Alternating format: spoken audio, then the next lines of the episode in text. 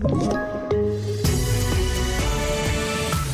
Brottsdömd vårdpersonal kan fortsätta ta emot patienter. Mordrättegång avbröts när nämndeman ansågs jävig och fullvaccinerade svenskar välkomna till USA igen. Ja, här är TV4-nyheterna och vi börjar med att Domstolsverket vill ha tillgång till register över legitimerad vårdpersonal. För det är nämligen vanligt att domstolar missar att informera Inspektionen för vård och omsorg när vårdpersonal döms för brott, något de är skyldiga att göra. Det har TV4-nyheternas granskningar tidigare visat. Och det kan handla om dopingbrott eller rattfylleri. Linda Almqvist är chefjurist på IVO.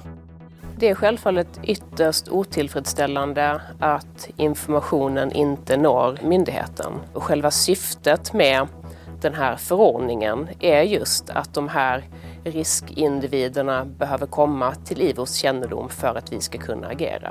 Problemen finns kvar, visar en ny granskning av Kaliber på Sveriges Radio. Men nu planerar Domstolsverket nya åtgärder. De ser över om domstolarna kan få direkt tillgång till register över legitimerad personal. Det kommer då inte bara gälla i vården, utan också för yrken som till exempel pilot och präst. Och reporter här var Kasper Karlqvist. Och rättegången om mordet på en polisman i Göteborg återupptogs vid tiotiden idag efter att en ny nämndeman kommit på plats.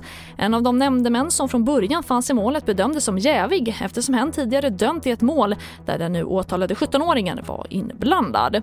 Och mer om det här kan du se på tv4.se.